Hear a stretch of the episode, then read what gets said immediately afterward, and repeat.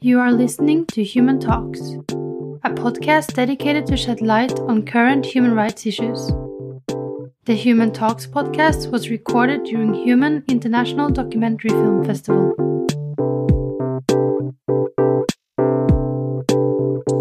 Velkommen til uh, gruppeterapi.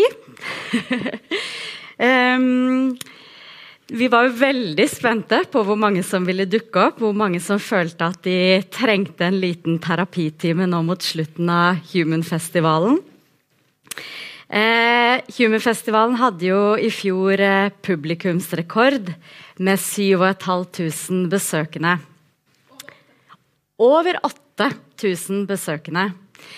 Eh, og det er vi som sitter og arrangerer denne festivalen, da vi, satt, eh, da vi skulle lage debattprogrammet, så satt vi og tenkte Men hvem er alle disse tusen menneskene i denne lille byen som bruker fritiden sin på å se på filmer om grusomme ting og verdens elendighet?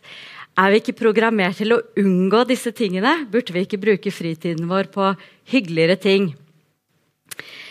Eh, og disse, disse, spørsmålene satt vi og stilte oss, og så tenkte vi kanskje, vi, kanskje det er noe i veien med oss? Er det, eh, er det, er, blir vi tiltrukket av disse tingene? Hva er grunnen til det?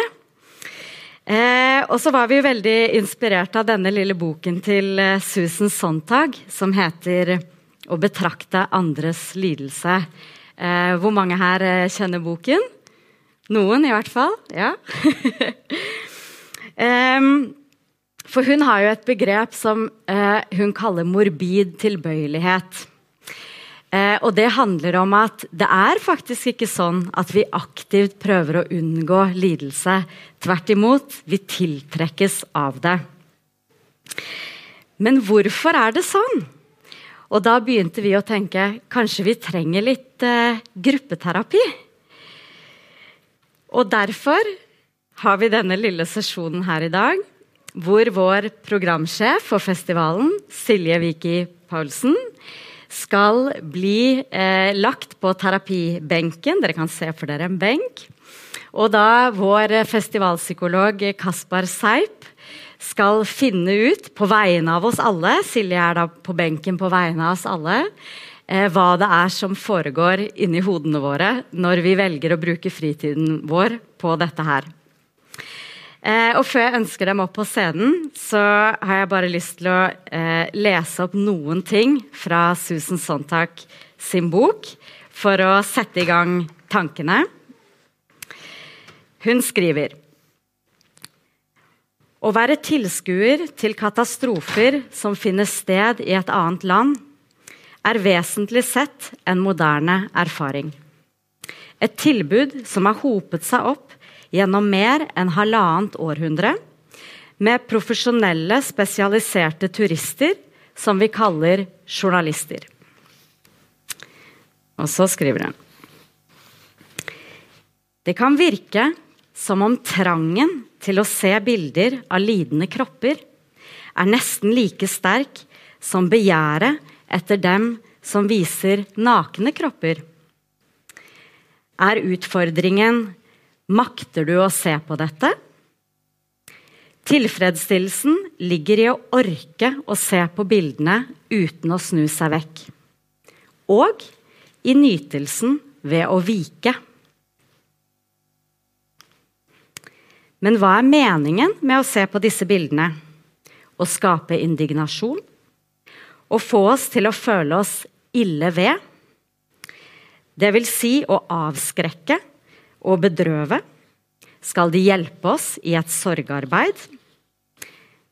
Er det å se på slike bilder egentlig nødvendig? Siden disse avskyelighetene tilhører en fortid, um, blir vi bedre mennesker av å se på disse bildene? Lærer vi egentlig noe av dem? Bekrefter de ikke egentlig bare det vi vet fra før? Eller i hvert fall det vi ønsker at vi visste. Og så til slutt dette begrepet om morbid tilbøyelighet. Alle bilder som viser overgrep mot en, en kropp, er en viss grad pornografiske. Men bilder av det frastøtende kan også ha en slags appell. Alle vet at det ikke bare er nysgjerrighet som får biler til å senke farten når de kjører forbi en forferdelig bilkollisjon. For mange er det også ønske om å se noe skrekkinngytende.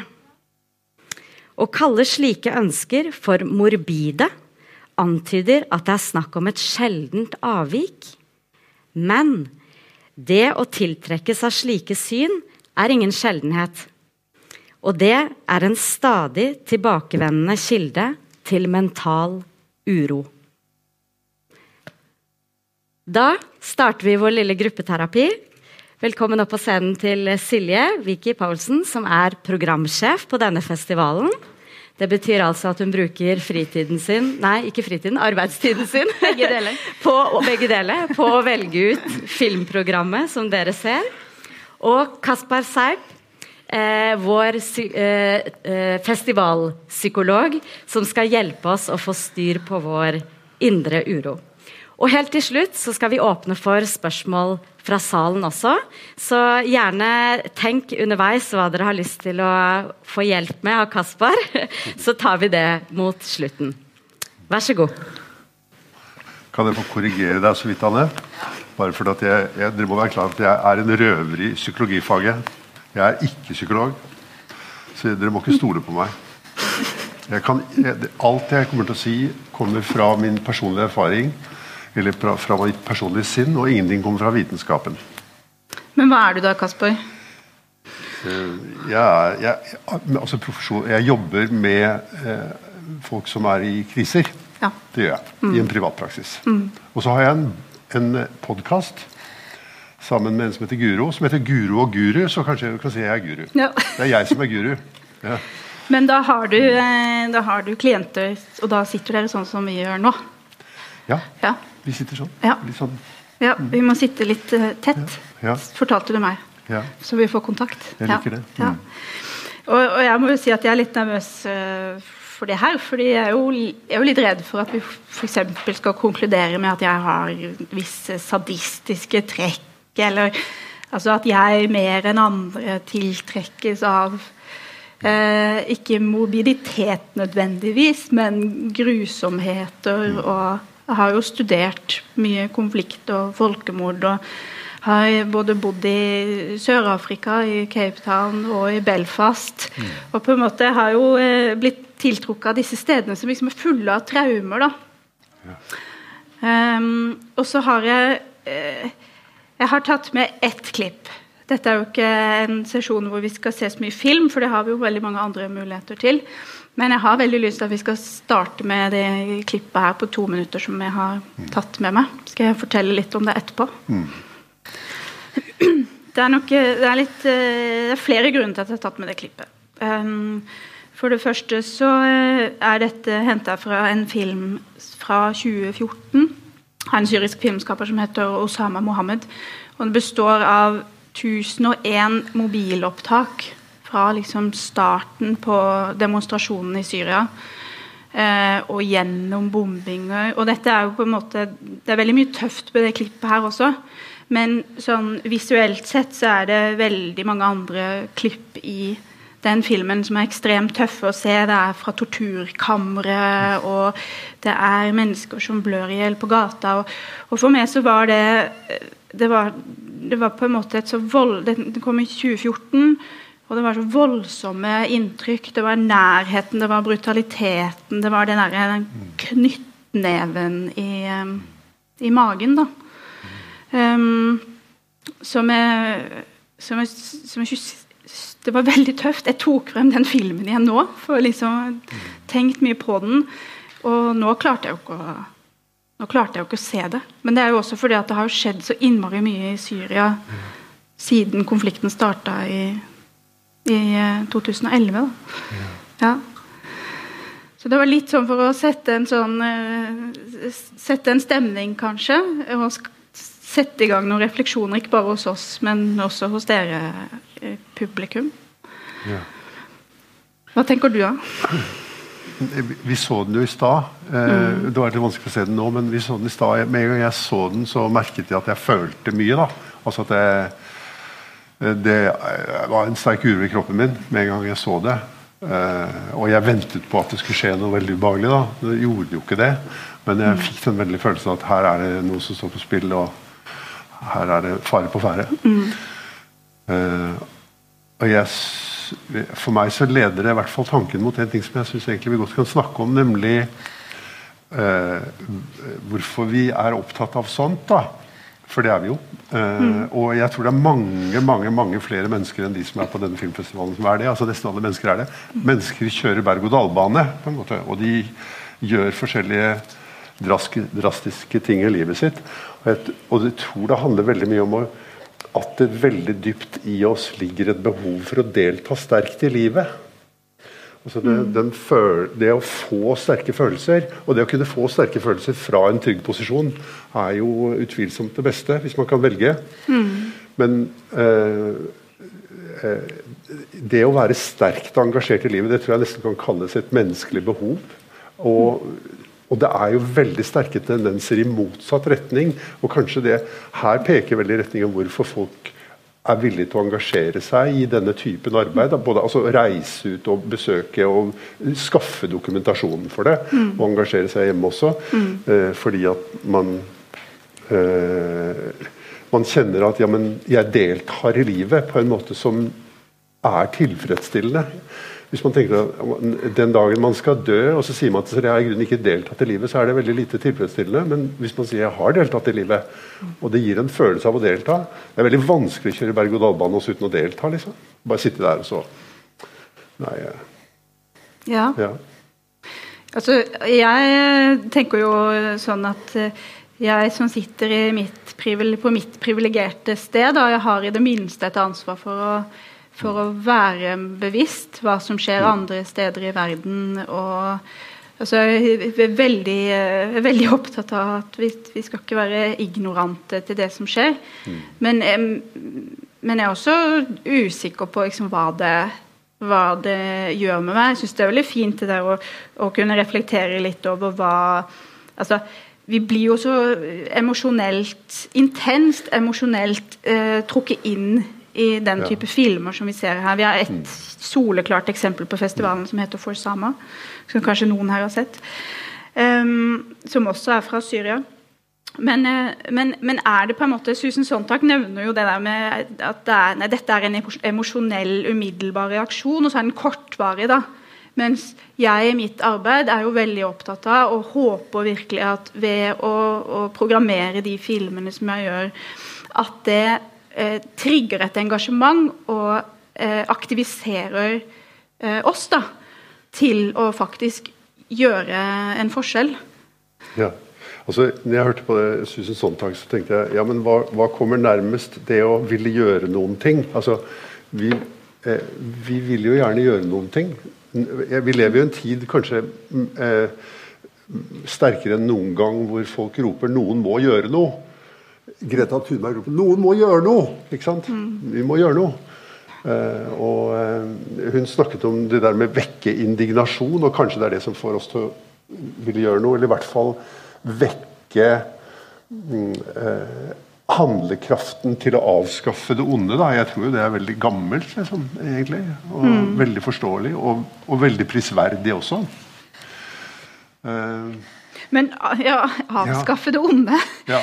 Altså, vi, vi er jo eh, Jeg har jo tenkt litt på, på dette her som vi skal snakke om nå. Jeg har tenkt veldig mye på det, faktisk. Um, og så har jeg gått litt i meg sjøl og, og, og tenkt at eh, Og liksom prøvd å finne ut hva, hvorfor, hvorfor gjør jeg det, da? Hvorfor vil jeg lese om folkemord? Og hvorfor vil jeg se filmer fra konfliktområder? Um, og så, og så har jeg fått en sånn erkjennelse at men jeg er faktisk redd for at jeg skal måtte, jeg og min familie og mennesker jeg er glad i rundt meg, skal måtte oppleve krig. da. Eller til og med et massemord. Sånn at jeg har en sånn for Av og til så tenker jeg sånn Men gjør jeg dette her for å liksom være forberedt på, på at det skal skje? Uh, for da er vi litt inne på det der med med ondskap. For det jeg tenker jo at vi er jo Alle har jo en ondskapsfull tilbøyelighet. da. Jeg tenker jo Vi har jo noe i oss som noe som kan trigge oss.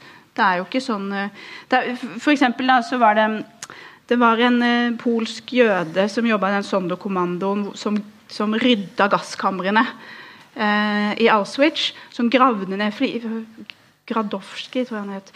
Som gravde ned fire dagbøker. Ja.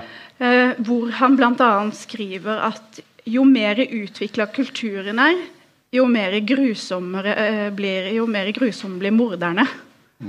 Og for meg så er det Det er nok en sånn iboende frykt jeg har, da. Om at, eh, om at ja, syrisk middelklasse er i dag eh, redusert til skitne flyktninger i Moria-leiren, eller som står liksom og hamrer på døra og vil ha hjelp. Ikke sant? Men det kunne jo fint vært oss, da. Hvorfor ikke? Så man vet jo ikke hva som vil skje. Og, den, og når, du, liksom, når du har de tankene der, da, både når du ser hvordan de har det i land hvor det er stor lidelse, og når du tenker at de kan komme hit også, da kommer du i kontakt med den følelsen av at det står noe på spill, eller at dette er farlig. ikke sant? Og du kan kjenne den i din kropp, da. Sånn som jeg kjente det, i hvert fall, og som sikkert dere kjente også når dere så det her. Så kan dere kjenne den følelsen i kroppen. ikke sant? At det er, det er mulig å Hvis jeg spør deg hvor er det du kjenner den følelsen, så kan du antagelig peke veldig nøyaktig hvor det er du kjenner den følelsen. I hvert fall jeg kan gjøre det. Jeg vet at det er her. liksom. Det er her det er sendt, den har senteret sitt. Og så brer den seg jo utover i kroppen. Det er ikke sånn at det er, Kroppen vår er jo ikke delt inn i avdelinger. Det er, eh, vi er bare ett. Eh, og den, For meg så er det, det vi snakker om det, det, det sentrale er på en måte for meg hvis er slik at vi går ut i verden for å eller De som lager dokumentarfilmer, de forteller oss jo hva virkeligheten er. Og Hvis vi skal bli gode til å forholde oss konstruktivt til virkeligheten, så må vi jo vite om virkeligheten. Men når virkeligheten vekker følelser i oss som er av den typen her, sånn, nemlig frykt, så er det en veldig stor sjanse for at vår eh, eh, våre handlingsmønstre som vi går inn i At vi går inn i handlingsmønstre pga. den frykten, som egentlig viser seg å være ganske lite konstruktive. da. Det er en ting som jeg syns er nyttig å problematisere, og som er veldig overførbart til, eh, til terapi. Fordi at terapi handler i veldig veldig stor grad om at eh, når man har det mm, altså, Hva skal vi si smertefullt i sinnet sitt, kunne man si det. Når man, er, når man lider, man er deprimert eller eh, man har angst eller sånn, så går, så går vi mennesker inn i mønstre som egentlig ikke bedrer situasjonen. F.eks. vi begynner å drikke eller røyke eller spise eller gå birken, løpe Birken, mener jeg, eller noe, da. For å få vekk de følelsene. ikke sant? Og så kunne vi tenke oss at det å være mm, en aktivist mot verdens ondskap også kunne være veldig styrt av det, det som jeg kaller for reaktiviteten vår. da, Nemlig at vi Det er ikke til å holde ut. liksom, så Noen må gjøre noe, som Greta sier. Noen må gjøre noe. Og at det kommer fra Dere har sikkert hørt det eh, begrepet 'fight, flight, freeze'. Som er altså de mønstrene som kroppen vår går inn i, kroppsinneapparatet vårt går inn i når vi føler at det er fare på ferde. Og de mønstrene, eh, de eh, er jo i noen få tilfeller konstruktive. F.eks. hvis du møter en løve. For da løper du. Og Det kan jo være det mest konstruktive du kan gjøre. Men vel, hvis du ser no, lys og skygger på en skjerm, så er fight, flight og freeze I virkeligheten så tar det fra deg veldig mye ressurser. Det får blodet til å gå ned i beina dine. ikke sant? Det får blodet til å gå bort. Du er, du er aldri så uintelligent som når du er i fight, flight og freeze. Jeg er i hvert fall ikke det. Det er for øvrig interessant i forhold til å sitte på en scene sånn, fordi at det jo Jeg kjenner at det nå bedrer det seg jo litt når vi sitter her litt, men, eh, men eh, i en sånn situasjon å snakke fritt og forsøke å snakke meningsfylt om en sånn ting også, det er jo, Man føler seg jo begrensa bare for, i forsøket på å snakke om det. Overfor andre mennesker. da. Det er lettere når man bare er to og to. Så jeg prøver å late som det. Ja. ja, det var et eksperiment, dette her. da. Ja, det er det. Det må vi jo innrømme. Men skjønner du at, at liksom problemstillingen handler om hvis vi skal bli effektive å, til å bekjempe det onde La oss si at det onde eksisterer, og at det er nødvendig å bekjempe det. Da. Det er vi egentlig enige om. ikke sant? Altså, det onde uttrykker seg hele tiden, og vi vil gjerne bekjempe det.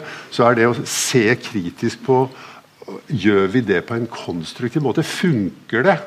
Man kunne jo eksempel stille seg spørsmålet Er det mindre ondskap i verden i dag enn det var for 100 år siden?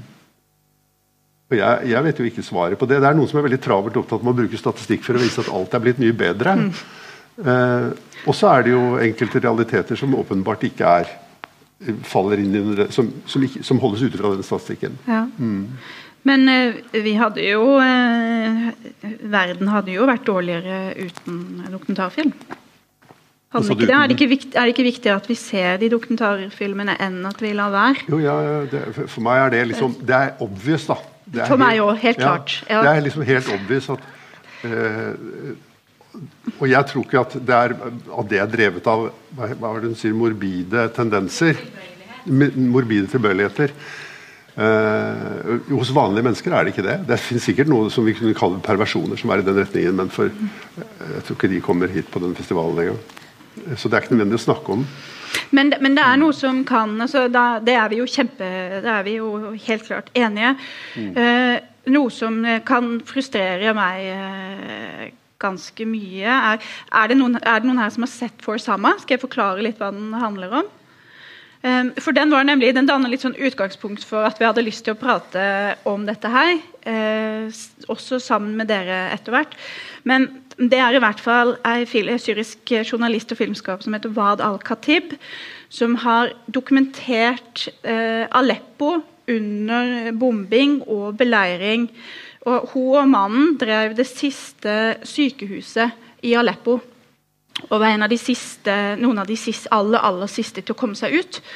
Og, og da ser man jo eh, grusomme bilder av både barn og eldre og alle aldersgrupper som kommer inn til det sykehuset med alvorlige skader. ikke sant? Eh, det er vi jo alle kjent med.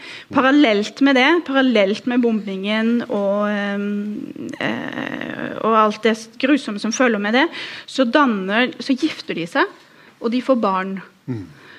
Um, og Grunnen til at filmen heter 'For Sama', er fordi at det er filmskaper Wad som vil forklare sin datter da, hvorfor de velger å bli. Som heter Sama. Som heter Sama. ja. Eh, så det er hennes historie til sin datter, som, som dattera da skal se på et eller annet tidspunkt. ikke Ja. Når hun blir stor, kanskje. Ja, jeg håper hun må jo se den på et tidspunkt hvor hun tåler det, da, kanskje. Men, men, men tenk på det, da. At hun lager denne filmen for å, å forklare til sin datter på et senere tidspunkt hvorfor de i alle dager liksom lot hun eh, holdt på henne i denne konfliktsonen. ikke sant? Livsfarlig. Um, og dette er jo en fantastisk film. Det er en sånn publikumssuksess på, på festivaler verden over. Den var Oscar-nominert. Den vant veldig nylig BAFTA, som jo er britisk Oscar. Eh, og, og familien reiser rundt med filmen. Ja.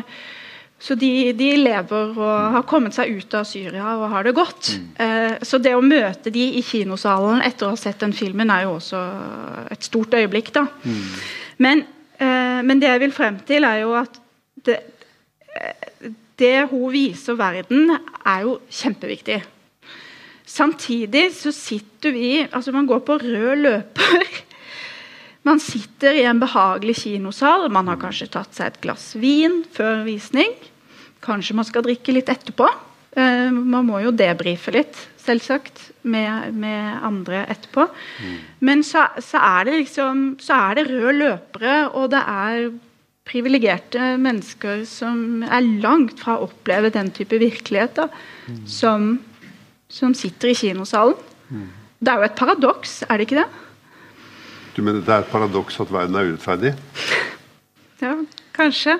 Ja. Men også at vi Og det, og det er jo helt klart at, at man løfter frem den type eh, utrolig gode og viktige dokumentarfilmer. Det, helt, det, det må vi jo gjøre. Det er jo utrolig viktig for filmskaperen. Det er utrolig viktig for de som portretteres i filmene. Det er utrolig viktig for oss at vi får vite om det. At det er noen som er så modige og så er kreative i en så vanskelig situasjon, det er jo bare å ta seg hatten for det. og Ja. seg for det. At Ja. noen mennesker ikke bare flykter i panikk, liksom. Helt...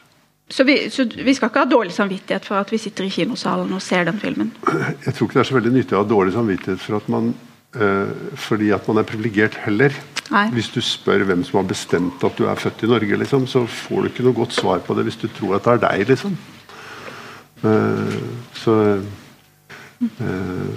Ja, verden er veldig urettferdig. Verden er sånn som den er. Den er sånn, til og med sånn som den er i Syria. Da, og det At noen forteller oss det er veldig nyttig, og at vi klarer å gjøre noe konstruktivt med det, er veldig nyttig. Eller det, det har ikke jeg tenkt å gi meg med. Det er litt det samme som å drive med terapi. egentlig det. For meg er terapi veldig mye å forsøke å lære bort noe. Noe som virker. da. Så um, får jeg lov å trekke en parallell som er, uh, som er veldig gammel, men, eh, og som er mye eldre enn meg, selv om jeg skal starte da jeg var barn. For at da jeg var barn, så var det før TVs tidsalder, og det var noen filmer og sånn, men det var ikke mye. Men øh, jeg vokste opp på 50-tallet, før TV-en kom. Øh, øh, jeg Nå merka jeg, nå satte jeg meg ned som Ja. terapeuten, liksom. Ja. Jeg fikk en sånn holdning som egentlig du, du skal ha. Det er vel sånn når vi veksler, veksler på. I hvert fall så eh, det som, eh, jeg, Da jeg var barn, så leste vi bøker.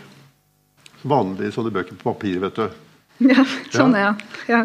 Og noen av de bøkene jeg hadde, det var ikke mange, men jeg hadde, jeg hadde to indianerbøker fra jeg var liten.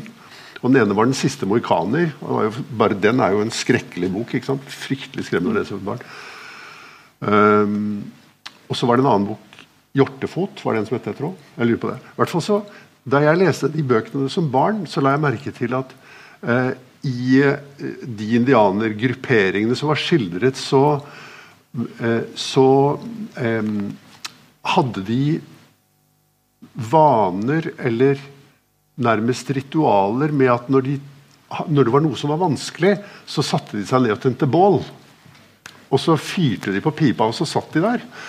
Og så var det sånn at altså hvis, tenker, hvis vi prøver å tenke oss tilbake til 1860-tallet, eller noe sånt, jeg tror det var da, så sier så, så, så sitter det så, så samles sta- stammen mest betrodde rundt bålet, og så sier en person uh, uh, General Custer står bak åsen med 5000 mann og ildvåpen. Mm. Og det som skjer da, at det blir helt stille. Og så blir det stille i eh, liksom, ja, to timer, kanskje. Og så sitter man og ser inn i flammene. Og så etter to timer så er det en som sier noe, f.eks.: Min skvå har akkurat født vår datter, og jeg er så redd for hva som kan skje. Hva som kan skje. Og så blir det stille. Og så leste jeg jeg leste det som barn. Jeg, det er først nå i min høye alder at jeg har begynt å danne meg en idé om hva det var som egentlig foregikk da. Og jeg tror at det som foregikk, var at de på en måte på sin gjennom sin måte å fortelle om virkeligheten på, kom i kontakt med sin egen uro. Og det de gjorde, var at de rommet den uroen. Det vil si at de tok uro De samlet oppmerksomheten inn mot uroen sin, og så satt de med den uroen. Fordi at de hadde en helt sentral innsikt som jeg tror mange eh, eh, folk som lever nær naturen, har. Nemlig at hvis du forsøker å gjøre noen ting med virkeligheten fra et urolig sted i deg selv, så kommer du til å forsterke det problemet som du ønsker å gjøre noe med. For meg er det en sånn bærebjelke i min praksis. Det er at hvis jeg kan lære folk å romme den uroen de har i livet sitt, og det betyr jo angst eller skam eller skyld, sånne ting, ensomhet Hvis du blir god til å være ensom, da er det jo ikke noe problem å være ensom. Hvis du blir god til å være urolig, da får du kontakt fordi at gjennom å romme de følelsene kommer du i kontakt med ressursene dine, med intelligensen. Du, måte, du vil merke at du faller til ro. Og så kan du på grunnlag av kontakt med ressursene dine handle. Og da kan du handle på en konstruktiv måte, istedenfor hvis vi forestiller oss at vi løper rundt og roper 'noen må gjøre noe', 'noen må gjøre noe', noen, må gjøre noe da. Og at det på en måte kanskje kunne være min utfordring til festivalen. da, Eller til, eh, til alle de menneskene som helhjertet prøver å gjøre noen ting med alt det smertefulle livet. Det er å se veldig grundig etter hvor, hvorfra i meg selv er det jeg gjør dette. Kan jeg møte Kan jeg føle de følelsene Kan jeg føle de følelsene når den lille gutten vet at det sitter en snikskytter oppi der, kan jeg føle de følelsene og romme de og holde de Jeg vet ikke om dere skjønner, skjønner det begrepet romme eh, eh, Det betyr jo egentlig bare å være sammen med den indre virkeligheten man har. Og da vil man erfare at den virkeligheten mister sin, eh, sin makt over en. da. Det er så å si det som i folkeeventyrene handler om eh, at trollet sprekker når lyset kommer på det. ikke sant? At eh, det, det, å være sammen med uroen gjør at uroen mister sin makt. Og da blir man handlekraftig. Da klarer Askeladden å løfte det store store sverdet. Hvis du har sett de gamle har du lest folkeeventyrene? Asbjørn og Moe? Mm, mm. Der er det en tegning av Erik Wernskjold med, med Askeladden som er inni han er inne i berget sammen med prinsessen. ikke sant? Og Så kommer trollet hjem, og så stikker det hodet i den døren. Og så klarer han å løfte det enorme sverdet. ikke sant? Ja. Jeg skyter inn fra sidelinja. Eh, Susan Sontag, i noe av det jeg leste opp i begynnelsen, hun sier jo da at bildene vi ser, eller filmene vi ser, er kilden til indre uro.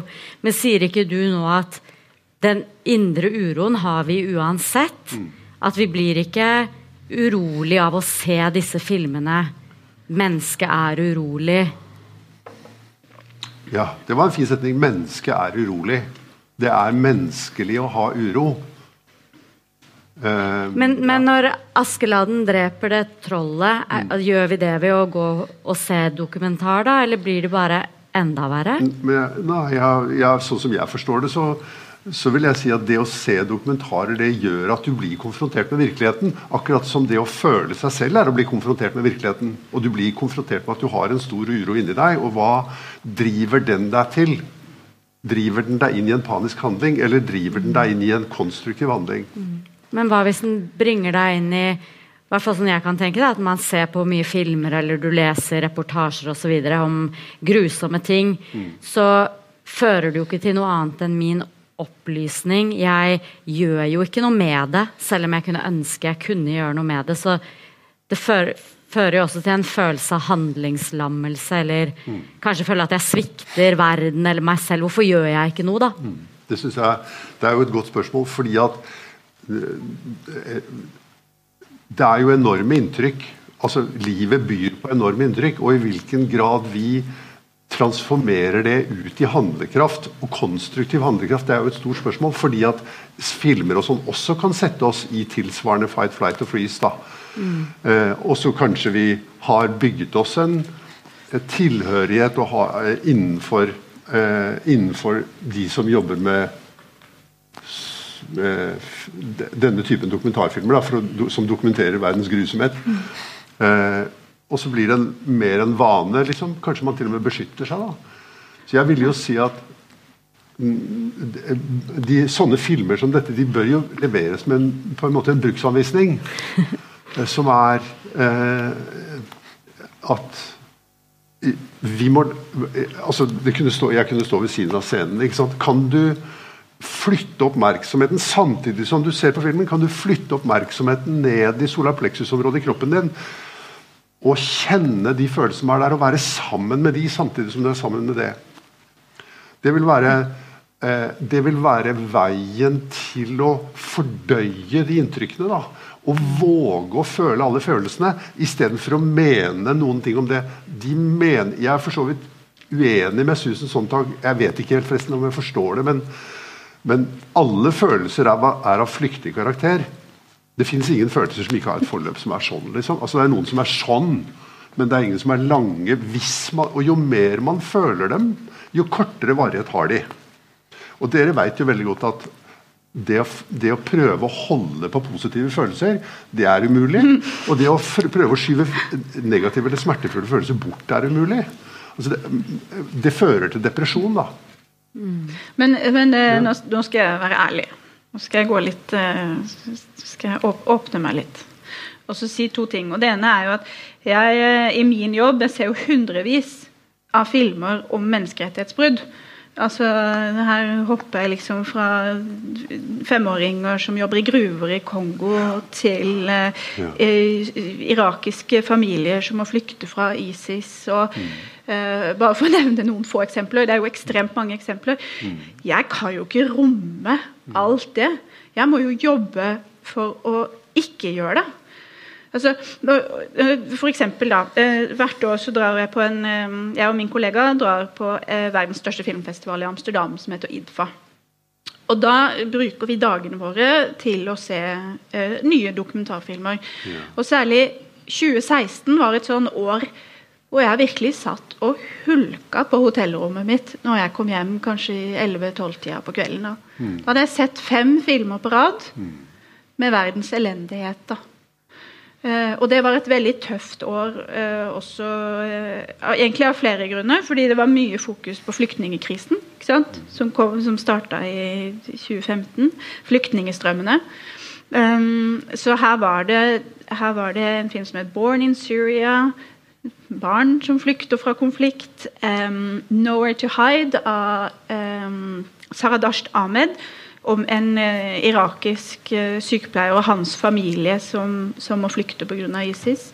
Uh, 'Chasing Asylum' om, um, om båtflyktninger som Australia pusher til interneringsleirer på Papua New-Guinea og Nauru, og hvor, de, hvor, barn og voksne dunker hodene i veggen og vil bare dø. ikke sant? Mm. Altså Det var et sånn år, og parallelt med da hadde jeg, Det var første gang jeg var ganske lenge borte fra min sønn. så Da var han 14-15 måneder gammel.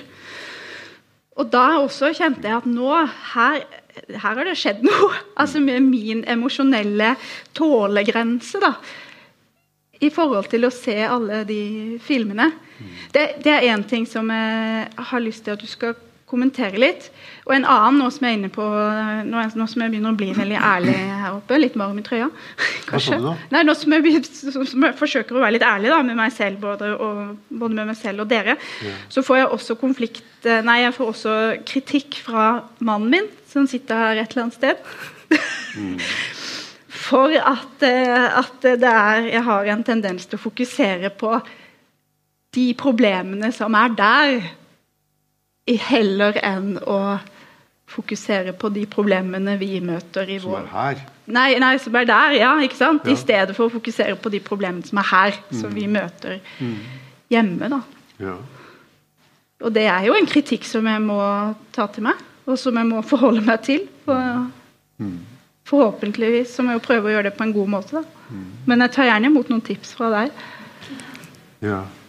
Jeg, jeg, kan bekrefte at, å, at, jeg tror det er svært menneskelig å forsøke å, eh, at man heller vil engasjere seg i problemene som er der, enn de som er her. Da. Fordi at det er veldig vanskelig. Men saken er at de problemene som er der, er også her. Og så sier du ja, men jeg må beskytte meg mot dem, for jeg klarer ikke egentlig å føle alle de følelsene jeg får. Og jeg tror ikke at det er helsebringende for deg. Jeg tror det er helsebringende for deg å porsjonere det der ut sånn at du faktisk kan føle det. Og da tror jeg du kan bli mer og mer kompetent og få en tyngre og tyngre autoritet til å tåle sånne ting. Eh, og at du kan stå i Og verden trenger mennesker som kan stå i elendigheten uten å være kalde. da. De gjør det. Mm. Men da må du øve deg på å føle det. Og det er jo veldig vanskelig.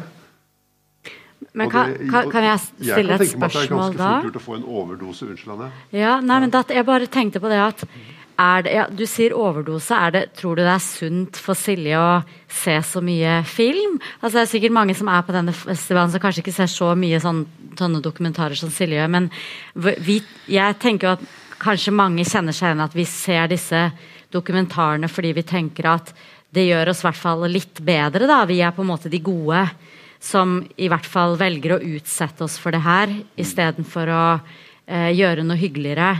Um, men, men, kan vi bli Kan, kan Silje bli litt syk av det òg?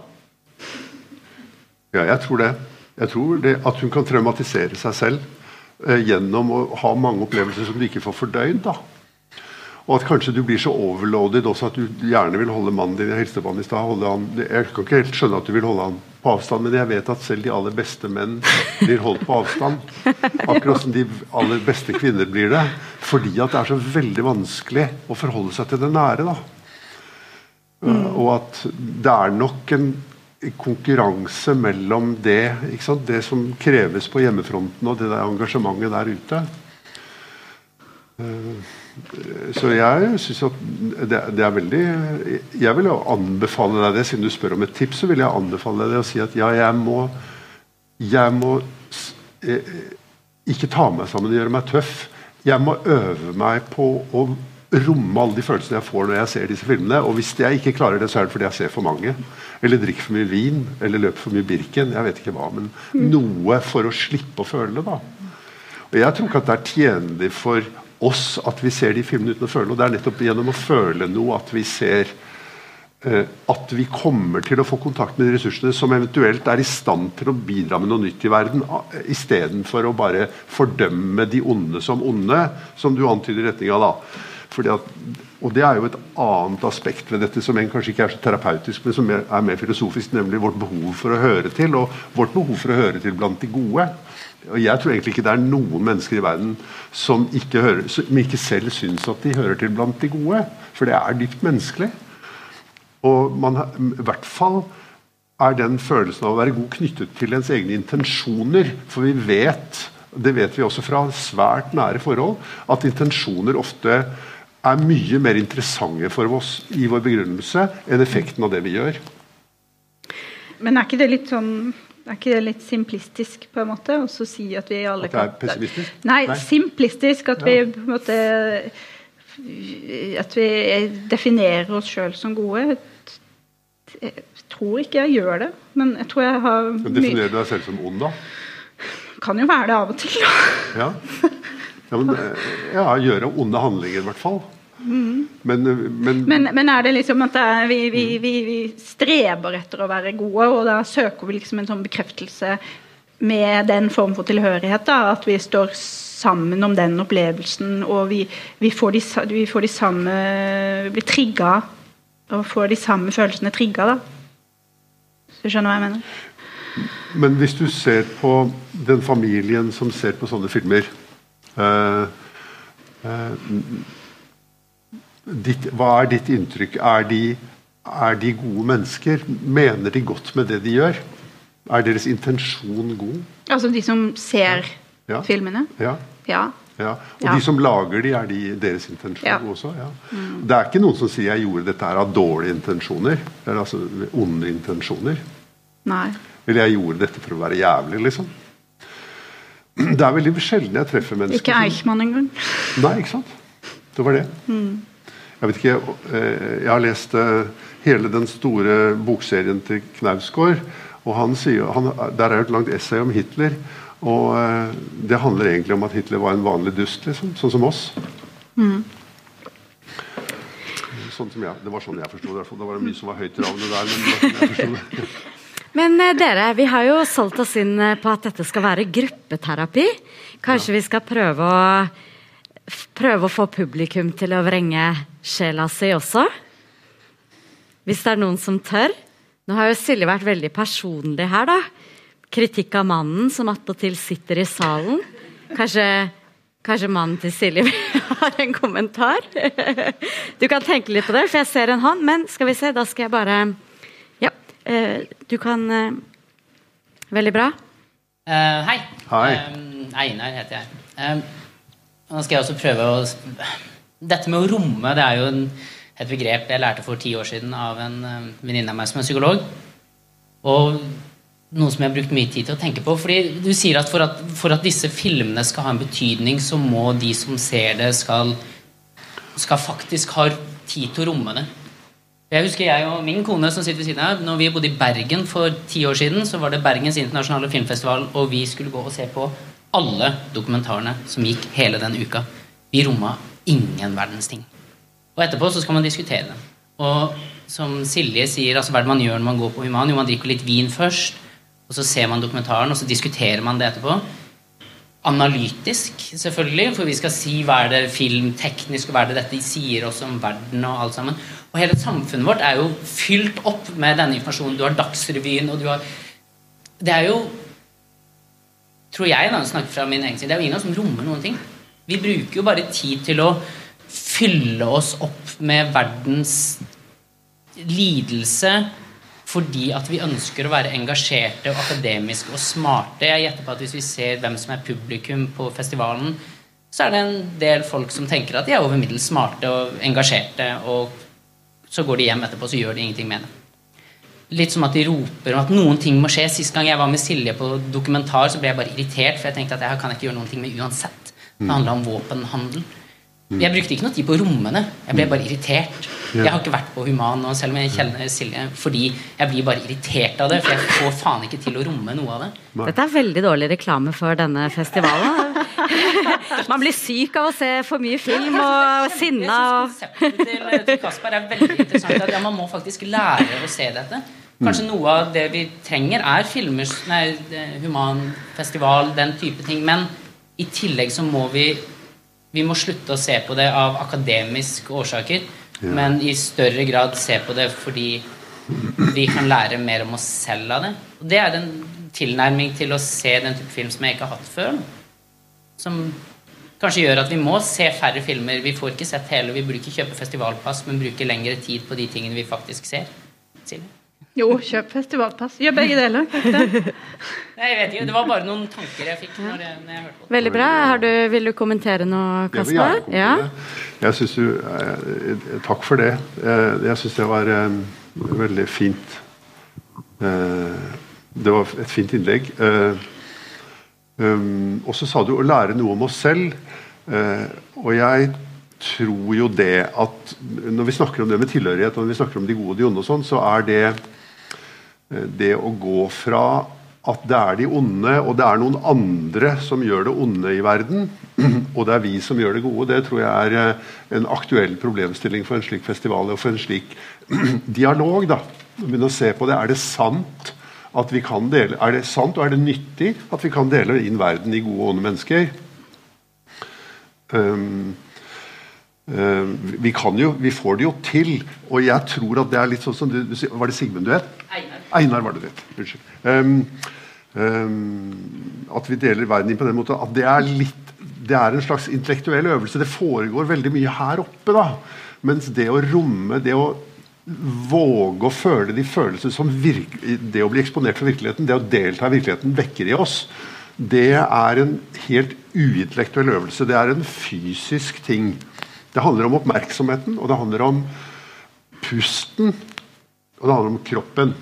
Og det er eh, jo veldig lite fokus på det i vårt samfunn. Og for nesten alt vårt fokus dere, dere vet, Vi vet jo det alle sammen liksom at på en måte så hviler oppmerksomheten vår den hviler oppi den derre um, The river of junk. Ikke sant? Det er en sånn strøm av tanker som går gjennom sinnet vårt hele tiden. Og som oppmerksomheten ligger sånn og hakker og ser på. Enda aller meste av det som foregår, det er i hvert fall i mitt hode, det er bare søppel. Det er bare det er meningsløsheter. Eh, eh, og at det vil være veldig nyttig i vårt samfunn at menneskene engasjerer seg mer i følelsene. Og i vår, i vår kultur er man veldig veldig redd for å være følelsesstyrt.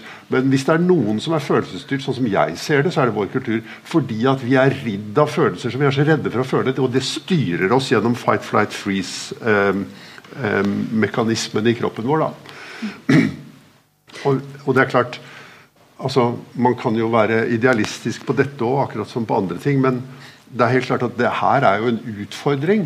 Jeg tenkte på for en stund siden å lage en kunstutstilling som kom med bruksanvisning. hvor Du på en måte, hvis du, du tok på en måte frem filmer eller fotografier og sier til folk vær så god, sett deg på den stolen her sånn, og se på det bildet der sånn.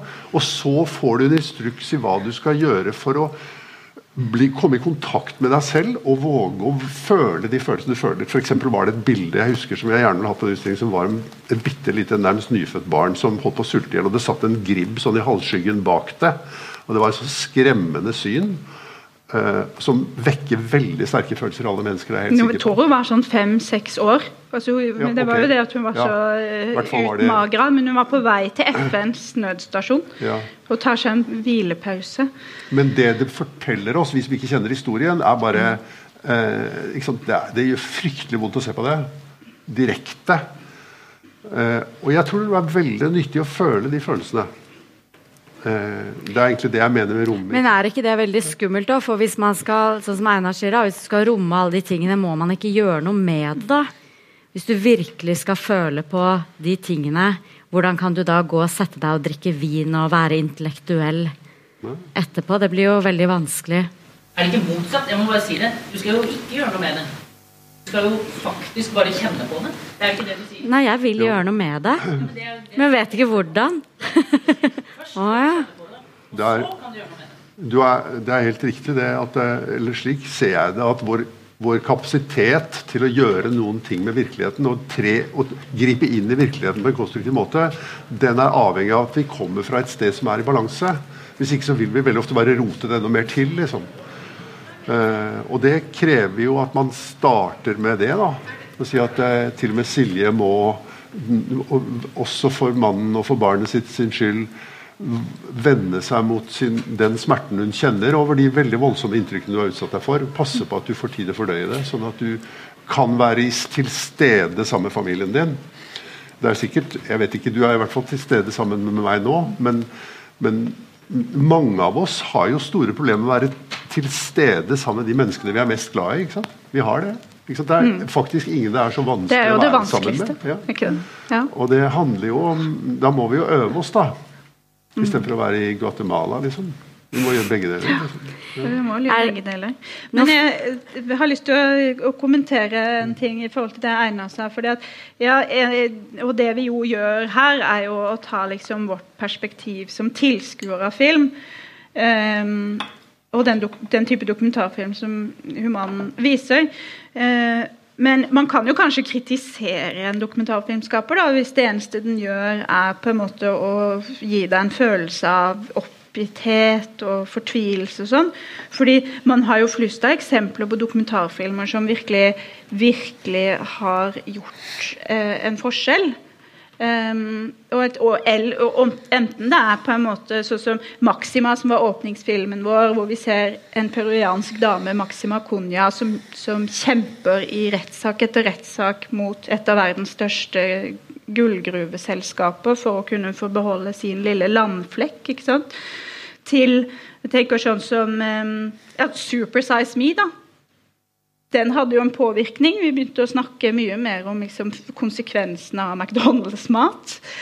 Eh, eller Thin Blue Line av eh, Errol Morris. Som jo gjorde altså Det er historien om um, Randall Adams, som, som satt og hadde en livsvarig dom fordi han hadde drept en ja, tilsynelatende hadde drept en politimann. ikke sant? Men, men det Errol Morris gjør med sin film, er jo å grave i den saken og så, og så vi, finne bevis for at nei, det gjorde han ikke. Så da soner han tolv år i stedet for en livslang dom. Så, så det er jo noe med også at det, det lages jo utrolig mye dokumentarfilm som gjør en endring. Enten det er altså, Tenk også 'Bowling for Columbine'. da, altså som faktisk skaper viktige offentlige diskusjoner og private diskusjoner, og som bidrar til viktige samfunnsendringer. Da. Det måtte jeg også få sagt, sagt liksom. ja. Jeg kan jo bare si ja, men jeg, og jeg, det er du som er eksperten på det. Jeg vet ingenting om det. egentlig. Eller, Dere, nå er det noen få minutter igjen. Er det noen flere som trenger terapi? Ja, en hånd der. Har du en mikrofon? Ja, jeg tenker på det du sa om Litt nærmere mikrofonen. og, ikke, og hva skal vi gjøre, og vi er tilskuere og så videre. Og sånn opplever ikke jeg det på en måte når jeg går på festival, og det tror jeg forhåpentligvis gjelder for en del andre også. Jeg føler ofte det at ja, jeg skulle sett den filmen, nå orker jeg ikke det nå, for det er så slitsomt. Men så jeg føler jeg på en måte en moralsk forpliktelse til å se filmen. Og det er ikke bare for at jeg skal eh, for min egen del eller kjenne på følelsene mine, men det er jo nettopp for å som du tror jeg nevnte i en annen sammenheng, at vi samler dokumentasjon. Og hva skal jeg bruke den til hvis jeg ikke snakker med andre? Og Derfor syns jeg det er viktig med sånne møter, men nå tenker jeg liksom utover det. At du eh, eh, samler argumenter i politiske diskusjoner. Her er ganske mange interessante problemstillinger og, og filmer og ting jeg ikke vet fra før. Og da kan jeg på en måte samle det og så bruke det i en annen sammenheng. For ellers, hvis man ikke gjør det, så syns jeg da blir det litt mer det blir, det blir litt meningsløst for meg. Hvis man bare skal Folk går her alene, kanskje. Mange går jo alene på festivalen. Så ser man et eller annet, og så bare går man hjem og ferdig med det. Det er liksom det, det, det For meg virker det helt meningsløst. Jeg mener at man kan gjøre ting. At man samler den dokumentasjonen, og den kan man bruke til i politisk aktivisme, om ikke sånn i første omgang, men det er også en politisk handling å opplyse andre om det. Mm. Så, og når jeg så Jeg så f.eks. Um, False Belief her tidligere. Og da fortalte Jeg kan ikke gjenfortelle den filmen, men da fortalte filmskaperen at den saken Det var en rettssak i USA, og den var ikke avsluttet. Og, men da er det også viktig at man, at man får støtte av andre. Og, og, eh, og det, det, er også en politisk handling. Samtidig som hun fortalte at det, de har mye bedre underlag for en rettssak når den filmen er såpass kjent og har fått masse priser, så hvis den skal gjennom, og hans uh, hovedperson da skal gjennom en rettssak til, så kan det bli kanskje vanskelig å dømme ham på sviktende juridisk grunnlag når filmen allerede, eller historien allerede er så kjent. Det er liksom bare ett eksempel. da. Mm. Man blir synlig for verden. Ja, man blir synlig. Mm. Og at man er litt forpliktet til å den erfaringen man får med å se de filmene, at man bringer det videre da, til de som ikke ser, og kan og da bruke det i diskusjoner. Og da har man jo bra argumenter òg. Også til det Einar sa med at vi er jo omgitt av veldig mye sånn ja, ikke sant, Dagsrevyen og nyheter og alt sånt. Og det er nettopp det jeg syns er fint med den festivalen. For at det, jeg savner jo de viktige tingene og de alternative vinklingene. Det finnes ikke på Dagsrevyen. Da bruker man en tredjedel av tiden til krim, en tredjedel av tiden til sport, og så er det noe sånn kjendis og Og koronaviruset. ja, og det er så mye. Det er liksom det som er så, Ikke bare det man bruker tid på, men det er det man ikke de bruker tid på, som er så skremmende. Enn at man har 15 timer med nyhetssendinger i døgnet. Det er nettopp sånne problemstillinger som dette her som er, som er også veldig viktig eh, ved den, en sånn festival, syns jeg. da, Som aldri kommer frem ellers. Takk for innspill. Det er én hånd til i været her. Eh, og det tror jeg blir den siste eh, kommentaren, for da begynner tiden å løpe fra oss. Eh, og det er da, hvis jeg kan annonsere, mannen til Silje. Så dette kan jo bli interessant. Det er ganske sjelden jeg gir han eh, siste ordet. Ja, var, var det frekt? Men sånn ble det. Vær så god skulle bare lagt, lagt ned til mikrofonen nå og så lade være med å si noe, så har jeg vært en lydig, en lydig ektemann. mand. jamen, jeg tror, det som jeg sidder og, og følger lidt på, er, at, øhm, at det handler lidt om tempoet, man prøver at tage imod så mange indtryk i. At hvis tempoet er for højt, som jeg jo føler, at Silje nogle gange øh, er, er, er inde i et for højt tempo, og hun tager på en måde lidt af vores... Øh, altså hun, hun tager en kamp for os på en måde, fordi at hun ser så mange film, for at vi skal kunne se de bedste film. Så sådan har jeg tænkt på det længe, at jamen, hun er tvunget til det tempo, det er hendes arbejde og så videre. Øhm, men altså hvis man, hvis, tem, hvis man ser for meget om for mange forskellige ting, så tror jeg ikke, man når at engagere sig ordentligt i det, man ser. Og jeg tror heller ikke, man når at fordøje det, og man når heller ikke at at, at fortælle det til nok mennesker omkring sig, fordi så er der noget nyt lige pludselig. Øhm, så det har jeg, altså jeg har også arbeidet med bistand og verdens problemer et stykke tid av mitt liv, men, men jeg har funnet ut at hvis jeg virkelig skal eje en sag, som er viktig for meg, så er jeg nødt til å sætte ned tempoet, og så, og så kunne velge en eller to sager, som jeg virkelig tenker det her, det, det er mitt kald. Altså, Um, så, så jeg tror, det er den største forskel på meg og min kone. Det, det er, hvor høyt tempo vi har i, og hvor hurtig vi, vi tvinger oss selv til å fordøje øh, vigtige ting, vi gør i livet. Øh, og det skaber jo en del, øh, det skaber en del diskussioner og, og øh, Venus og Mars, som man sier. Mm. Det var det. Det er jo mye som skjer da, Kasper, som vi må forholde oss til. Da er uh, tiden vår uh, ute. Nå skulle jeg liksom gi Kasper siste ord. Det var siste ord. Eh, sånn ble det, Silje.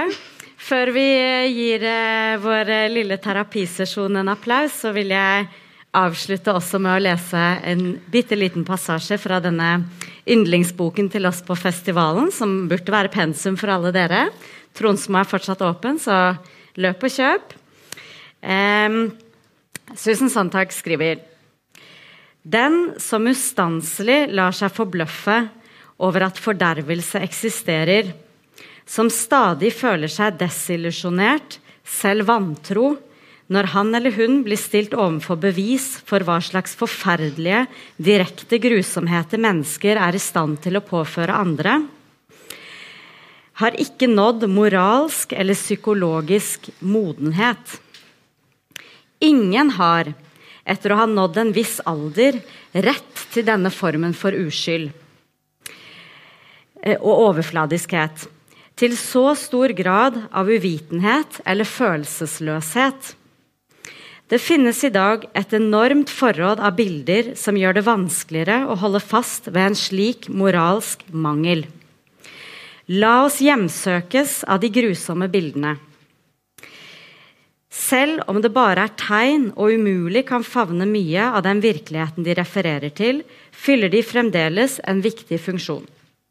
Bildene sier dette er mennesker i stand til å gjøre. Dette kan de gjøre frivillig. Begeistret, selvrettferdig. Ikke glem det. Takk til dere. Og takk til publikum.